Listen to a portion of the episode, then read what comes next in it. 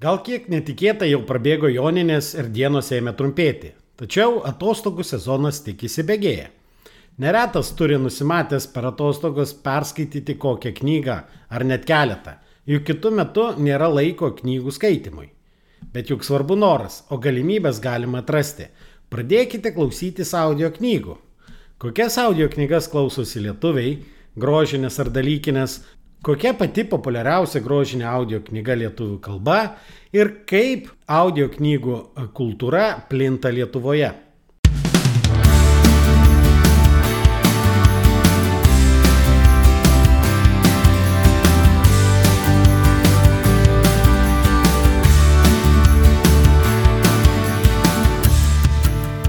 Sveiki, jūs klausotės podkasto Nuo amato prie verslo kuriame tikima, kad verslas turi būti pajamų, pasiekimų ir pasitenkinimo šaltinis, o ne tik kelti stresą ir deginti laiką.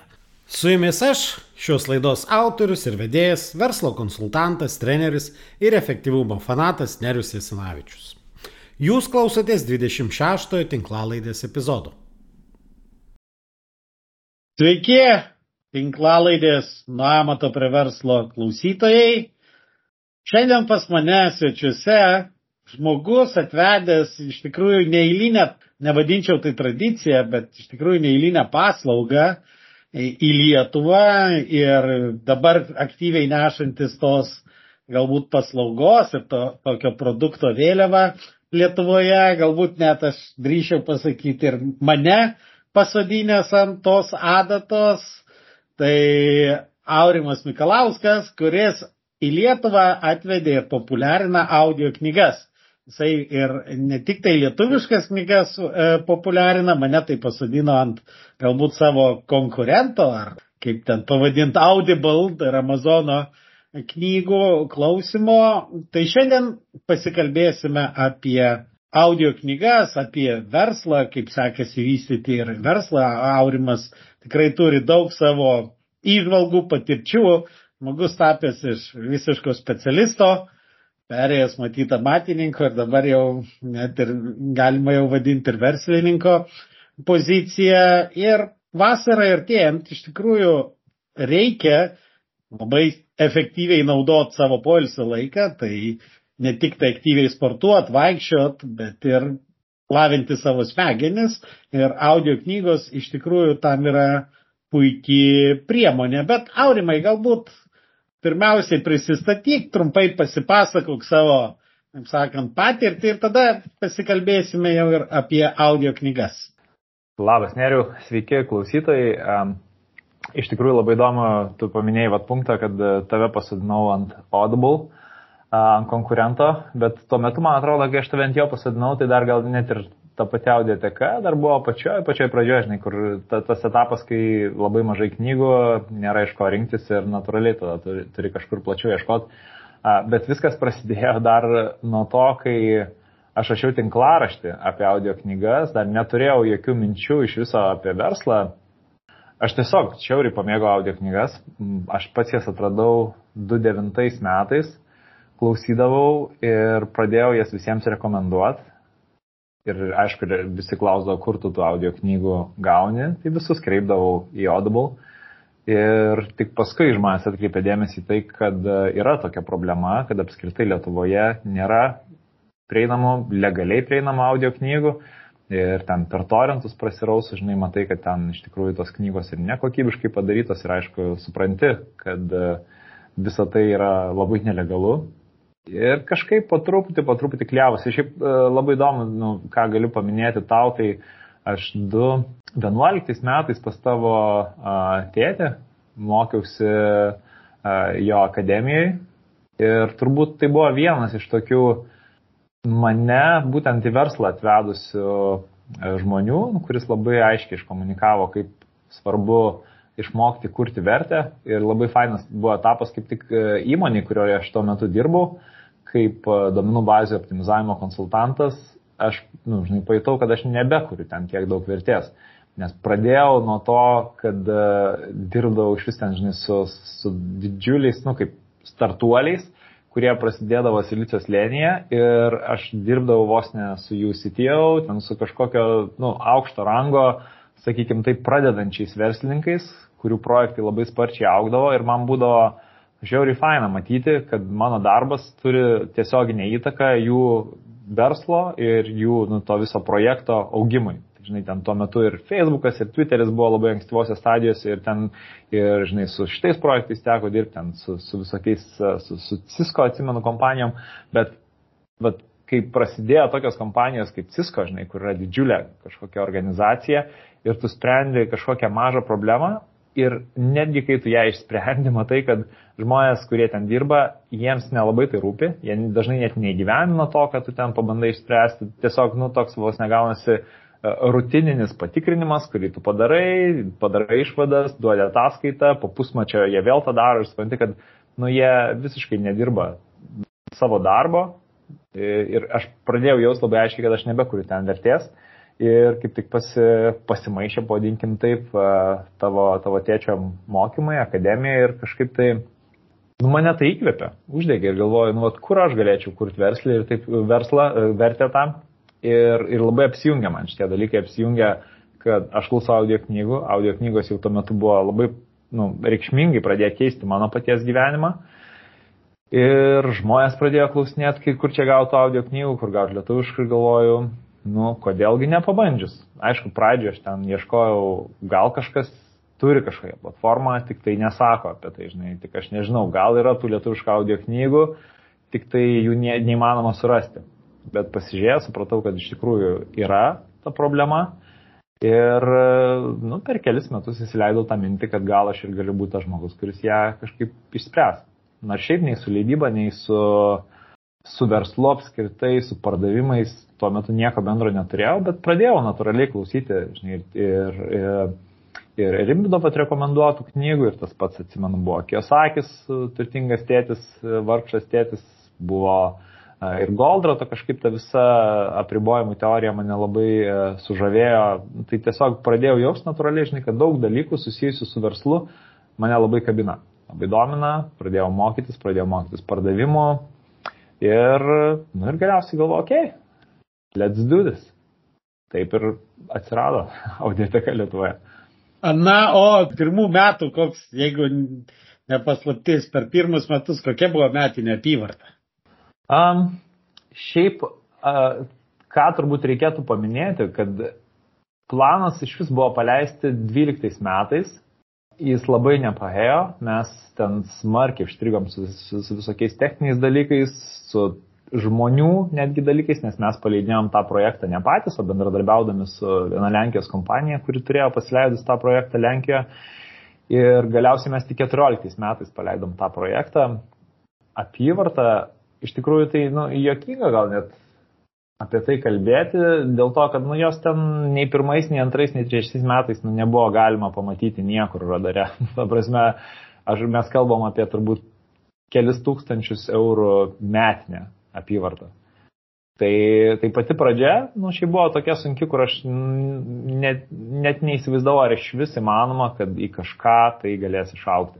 Dėl ko paklausiau, nes jeigu pasižiūrėt, nu, rekvizituose dabar matosi e, jūsų paskutinių metų irgi rezultatai, kas jau visai arti milijono tą apyvartą. Aišku, versle svarbu ne tik tai apyvarta, bet ir kiek uždirbom, bet faktas tas, kad va, tas nuoseklus darbas, Ir, ir domino efektas labai smagiai, na, labai akivaizdžiai jūsų veikloje suveikė. Ir aš įsivaizduoju, kad pačioj pradžioj, kai paleidinėjot, nu tai kiek buvo ten penkios ar septynios knygos ar dešimt knygų, o dabar jau pas jūs yra, kiek knygų yra? Nu jau beveik 500 yra. Tai jo, nu, 500 tikrai... ir, ir įvairaus žanro.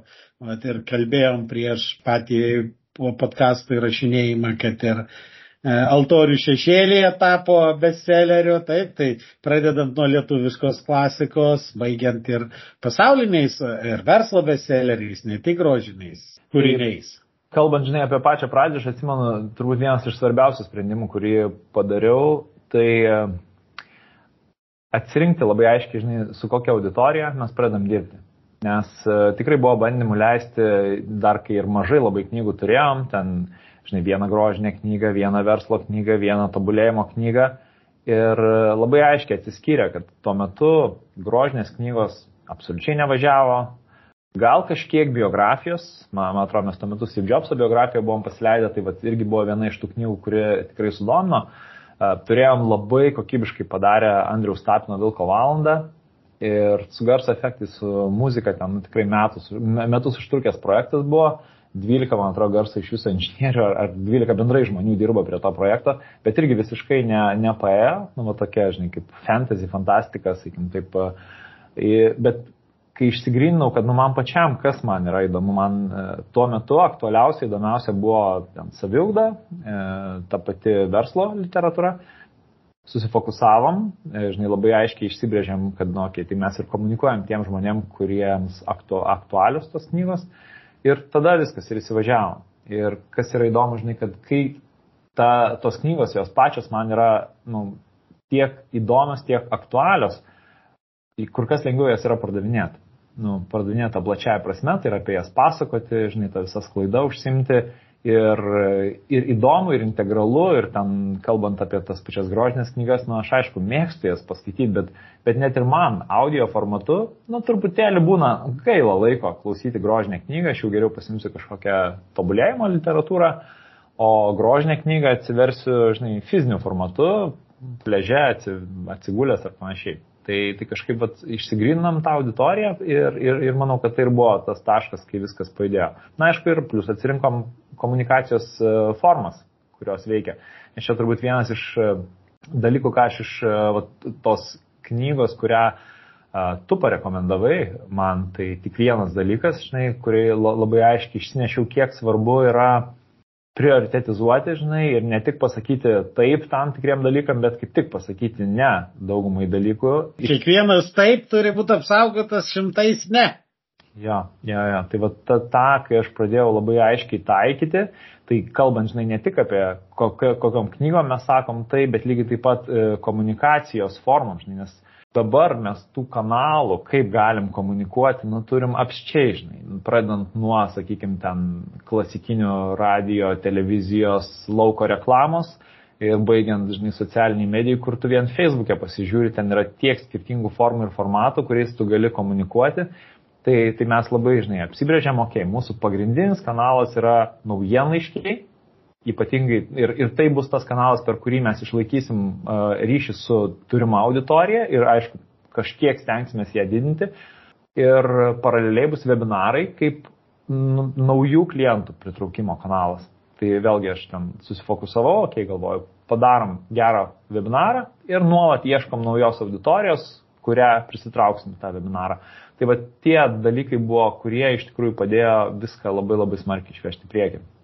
Bet jeigu aš teisingai išgirdau, tai vis tiek visa idėja, emocija ir išpildymas pradžioje buvo pačio. Tai visiškai atitinka, sakykime, klasikinę matininko aprašymą. Tai yra žmog, apibrėžimas žmogus, kuris daro viską. Kas, na, irgi nėra blogai, bet ar jau galėtum pasakyti, kad po truputį eini iš amatininko į verslininką, nes Jeigu tai pasižiūrėt, ir, ir darbuotojų skaičius, dabar jau ne vienas žmogus įmonėje dirba, dviženklis skaičius, dabar jeigu neklystų 14 žmonių, nu, tai ką rodo vėlgi rekvizitai, jau, jau ir iš tikrųjų nemažai e, dalykų derina ir sprendžia, mačiau, e, darbuotojai, ir dėl to vieno dalyko knygos ten mes, mes jau derinamės, šnekamės nebe su pačiu, o ten su jūsų kolegomis ir panašiai. Tai, tai va ar pats jau sakytum, kad tai labiau verslas negu amatas? Žinok, dar ne, atvirai sakau. Ta prasme, tikrai yra, yra nemažai jau galbūt to verslo elementų, labai mažai pas mus dar yra gal sistematiškumo, ko mhm. ten, žinai, kurioje knygoje be pasižiūrėsi, kai kalba eina apie verslą, tai visur turi atsirasti, žinai, labai aiškios e, sistemos. Ir tas pats e, vat, verslo mitas, aš tikrai ne vieną kartą grįžtu prie tos knygos, bet e, vis suprantu, kad, nu ne, nežinai, dar aš esu tam gal ir nepasiruošęs. Matai, kas yra, aš turbūt ko bet galbūt tai ir yra dalis verslo kūrimo, bet aš labai daugumai dalykų, kuriuos aš darau, nu, kaifuoju. Ir taip atsirenku gal tuos dalykus, kurie man mažiau patinka, juos aš deleguoju, atrandu žmonės, kuriems tai faina būtų daryti. Ir aišku, kad mes nu, apsitarėm, susikūrėm tam tikrą sistemą, jinai galbūt nėra taip gražiai aprašyta, kaip, kaip rekomenduotų žinai, knygos, būtent orientuotos į tą verslo auginimą ir sistematizavimą, bet e, labai daug dalykų dar, kurie yra audiotek ir plus, nu, aš didelė dalimi esu ir tas audiotekos veidas, tai vis tiek tai remiasi į mane. Ja. Tai va ir klausimas dabar, ar problema iš tikrųjų tame, kad negalima ten sistematizuoti to dalyko, ar tiesiog pačiam labai patinka dar tuos dalykus daryti ir, ir vis dar nesinori jų paleisti, nes kaip ten bebūtų, tikrai dažnas atvejis, ką aš irgi matau, dirbdamas su savo klientais, smulkaus ir vidutinio verslo savininkais, labai dažnai jie nepaleidžia tam tikrų dalykų ne todėl, kad negalima paleisti. Ir galbūt net ne todėl, kad nėra žmonių, kurie tą galėtų padaryti neblogiau negu jisai, bet tiesiog pačiam patinka ir norisi, nu, ir vad kaip pats minėjai, čia yra va ta vieta, kur jauti, kad kuri vertė. Jo, ja, šiaip tikrai, tikrai tame yra, nu, sakykime, klausimas, gal nežinau, norėjau sakyti problema, bet ne, nepasakyčiau, kad tai yra problema. Nes tikrai, tikrai visiškai mėgaujuosi ir, ir žinai, kas yra faina, kad šiuo metu bent jau aš taip jaučiu, kad uh, tai netrukdo uh, pačiam verslui aukti. Nes uh, vis tiek vėlgi yra, yra nemažai sričių, na tarkim, uh, paprastas pavyzdys, pavyzdžiui, leidyba, ne? nes mes esam uh, dvi kompanijos viename, ta prasme, kad mes užsimam ir leidybą, ir priekybą. Ir tai yra labai dvi skirtingos sritis, aišku, glaudžiai tarpusavio susijusios ir tą mes komunikaciją tarp, tarp šitų e, sričių turim užtikrinti, bet, sakykime, leidyba yra visiškai ne mano rankose. Šitas dalykas yra, a, turiu tikrai nuostabią leidybos vadovę, kuri, galiu drąsiai sakyti, yra mano dešinioji ranka ir, ir žinai, čia yra tas žmogus, kur atrodo, Vat jeigu jie išeitų, būtų tikrai sunku rasti kitą žmogų, kuris taip gerai, bet jinai plus yra labai sistemiška, čia apie Ingą aš kalbu, tai jinai tikrai leidyboje yra sukūrusi sistemą ir, ir didžioji dalis žmonių būtent dirba e, su leidyba, ten žinai, ką rekvizituose matai, tai čia yra, nu, kurie, sakykim, taip pilna tatų dirba, mes tikrai turim nemažai dar uh, nu, tų laisvai samdomų uh, audio specialistų. Ir aš kalbu ne apie įgarsintojus, nes čia tai dar atskira rolė yra žmonės, kurie garsina knygas, bet yra, e, kurie montuoja. Ir čia, aišku, labai įdomi turbūt verslo specifika, kad a, tie žmonės, kurie dirba su garsu, jie labai dažnai a, turi kažką, ką jie kito nori veikti savo tam kūrybiniam, žinai, potencialui atskleisti. Tai dažnai yra muzikantai ir tikrai mūsų didžioji dalis garsistų turi grupės, turi kažkokius muzikinius projektus. Ir jie dirba tiesiog kaip laisvi samdomi specialistai ir, ir, ir užsima montavimu. Bet vat, ten, pavyzdžiui, nu, ten aš tikrai galiu pasakyti, kad jau yra susistematizuota dalis ir kadangi man pačiam leidyba nėra tiek įdomis rytis, aš ją tikrai esu drąsiai atidavęs ir va ten galiu sakyti, kad čia yra verslo dalis, kurie jau sukasi kaip verslas. Tuo tarpu pardavimai, e, komunikacija, žinai, marketingo visi dalykai, tai va čia yra tai, kas man labai patinka ir kame aš e, tiesiog, žinai, verdu, kaifuoju ir nenoriu paleisti to, man tiesiog tai labai patinka. Aš tikiuosi nu, ir linkiu, kad šitos audio knygos iš tik populiarės. Ir jeigu klausytojai dar ne, neklauso audio knygų, tai žiūrėkit, jau jūs vartojat turinį, pakankamai gerą turinį, dalykinį turinį per ausis, tai yra klausotės e, podkastų, tinklalaidžių, tai jums tikrai patiks ir jums tiks tas formatas klausytis audio knygas. Nes iš tikrųjų mane tai žavi audio knygos tuo, kad mano perskaitomų knygų kiekis, pradėjus naudotis audio knygomis, išaugo eksponentiškai. Mm. Nes e, man tenka daug važinėti ten ir po Lietuvą, ir, ir ne tik po Lietuvą, ar kažkur eini, gali klausytis knygos, vairuoji, irgi gali drąsiai klausytis audio knygos, aišku, jeigu knyga tikrai labai gera užkabina, tai aš vėliau nusiperku ją arba popierinę, arba, arba elektroninę, bet vis tiek daug knygų užtenka perklausyti, pasidaryti santrauką ir panašiai. Šiaip labai geras punktas, aš irgi pagalvoju, kad turbūt visas knygas, kurios, kurios man paliko įspūdį, nu viena vertus aš, aš dažnai prie jų grįžtu ir to pačiu audio formatu, bet tikrai aš jas turiu nusipirkęs tam, kad karts nuo karto, nu, tiesiog pavartyti ir vos ne, žinai, būna kaip reminderis, nes tiek namuose, tiek darbe pas mane visur pilna yra knygų. E, ir taip žinai būna, kartais galvoju, aha, prie kurios šiek knygos turėčiau grįžti. Ir tu proskanuoji savo knygų lentyną ir galvoji, va, čia yra tas dalykas, žinai, prie ko aš šiuo metu turiu grįžti, bet vis tiek dažniausiai pasiimu knygą, pavartau šiek tiek ir užsileidžiu audio formatu ir klausau, nes realiai, nu žinai, kaip pagalvoju per dieną, jeigu tu, vat, kaip minėjai, 45 minutės praleidi su audio, na aš turbūt apie pusantros valandos turiu tam kiekvieną dieną. E, dabar, kadangi turiu naujagimį vaiką, tai dar daugiau laiko to atsiranda, kada pasiklausyti. Tai e, ką aš norėjau pasakyti, kad uh, vis tiek grįžtų prie tų pačių knygų audio formatu, o tu minėjai apie tinklalaidės. Šiaip įdomus dalykas, aš, aš pradėjau klausyti nuo tinklalaidžių. Bet pradėjau tuo metu, kai tinklalaidžių apskritai labai mažai buvo. Aš turėjau turbūt vieną tik favoritę tinklalaidę, e, galvoju, gal net Tim Ferriso šou dar tuo metu nebuvo. Turėjau vieną apie fotografiją ir būdavo toks, žinai, perklausiau visus epizodus, ką toliau klausyti. Na ir kažkaip natūraliai atradau, atradau audio knygas, išsibandžiau ir tas labai labai prilipo.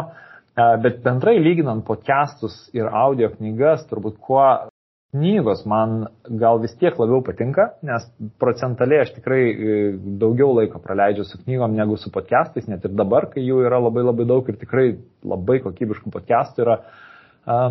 Žinai, kad knygos, jos vis tiek kažkaip viską sistemiškai sudėlioja. Nu, tu klausai knygą ir ten ta pati knyga bus 6-8 valandų, bet ten supranti, kad darbo žmogaus jau buvo labai daug įdėta, kad tą visą informaciją susisteminti, pateikti taip, kad ją būtų labai aišku, žinai, kaip, kaip tu ją pasimsi.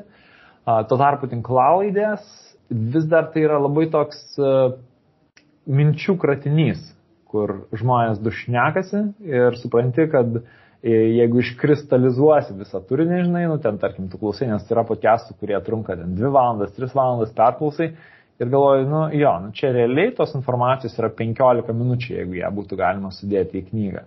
Tai va tuo man knygos vis dar kažkaip labai tai dėl to laimi prieš podcastus, kad juose informacija žymiai koncentruočiau yra pateikta.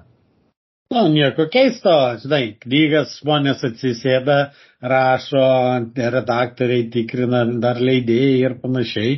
Iš tikrųjų ten išsigrynina, o podcast'e, nu, pasišnekam, pasižiūrim, aš irgi keletą podcastų klausausi, nes iš tikrųjų bandyti perklausyti visus, tai matyti neįmanoma ir tenka po truputį atsirinkinėti Bet e, grįžtant prie to, man, mane tai tokia, to, kaip sakant, įkvėpimo šiokia tokia dozė būna, žinai.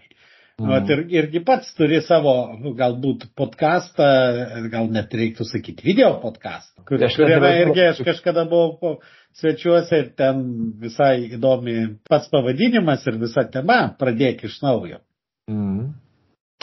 Uh, jo, dabar galvoju, ką, ką čia apie ją papasakoti, bet uh, Iš tikrųjų, tai šiaip podcastas man kaip, kaip formatas, nu, aš norėjau turbūt ilgą laiką sukurti podcastą ir e, pradėk iš naujo, man taip gerai atspindi, nu, apie ką realiai buvo mano gyvenimas, nes aš, tu atsimeni, turbūt aš buvau pradėjęs kitą podcastą ir jisai buvo labai labai iš tokių verslo, e, kaip čia, žinai, logiškas sprendimas daryti mm. tą podcastą. Ir tai buvo žmogiškieji iššūkiai, HR-ui grinai skirtas podcastas, kurio mintis buvo tiesiog išpopuliarinti audio knygas kaip, sakykime, įmonių biblioteką su aiškiu tikslu.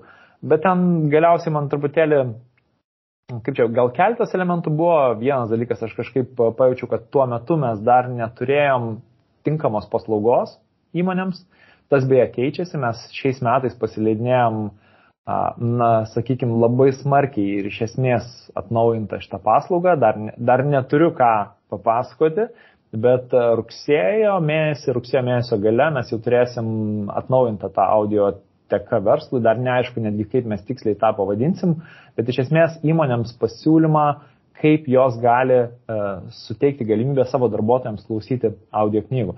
Nes turbūt gal, uh, nežinau, kiek ar, ar matei, bet mes šiais metais vasarį pasileidom prenumeratą, kas mums buvo labai didžiulis dalykas ir, ir tikrai daug laiko, dėmesio pareikalavęs projektas, nes realiai dėl kiekvienos knygos mes iš naujo turim, žinai, persitarti, sustarti, kad ta knyga tikrai būtų...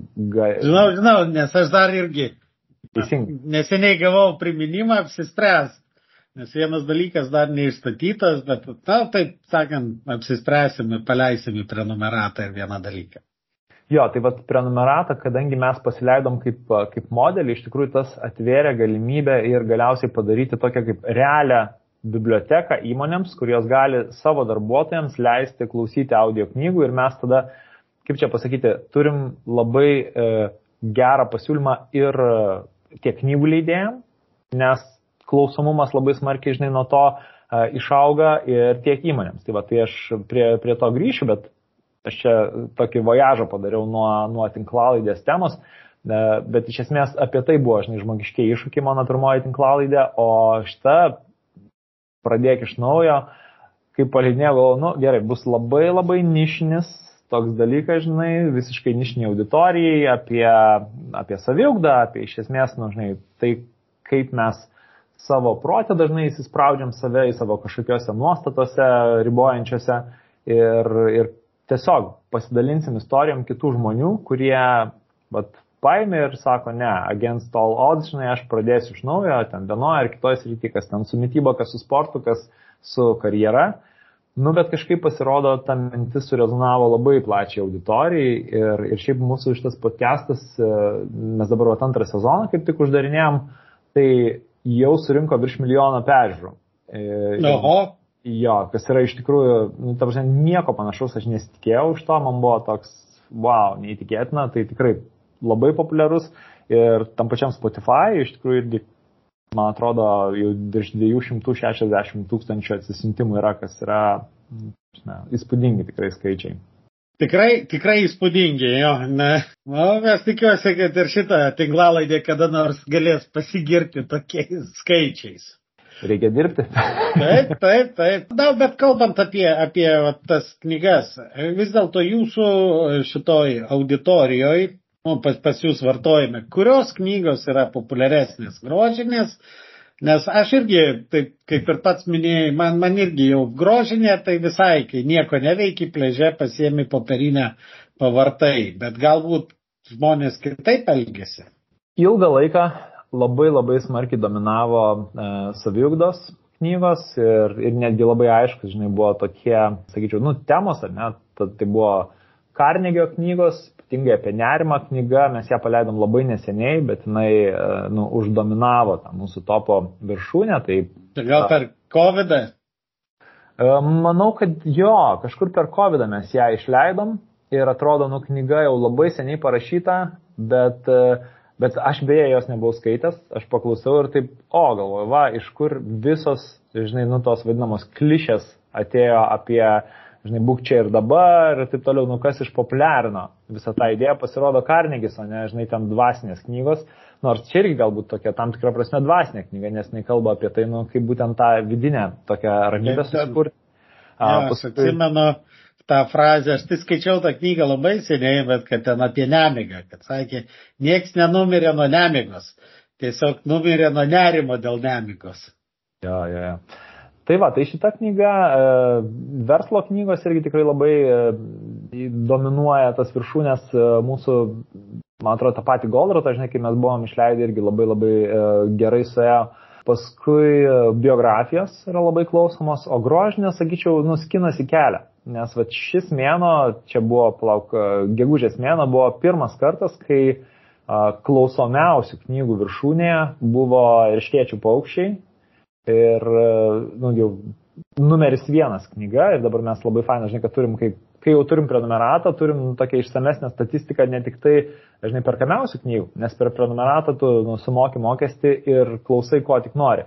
Tai mes dabar jau matom ir ko realiai žmonės klausosi, o ne tik tai, ką perka, nes bestsellerį yra, žinai, viena, bet būna, nusiperki, paklausai, numeti, O klausomiausias knygos, tai, tai vat, buvo pirmas kartas, sakau, erškiečių paukščiai. E, išsiveržė į priekį, ten manau, kad moksleivių dėka Altorių šešėlį grįžo, nors šiaip knyga leista prieš kokius keturis metus.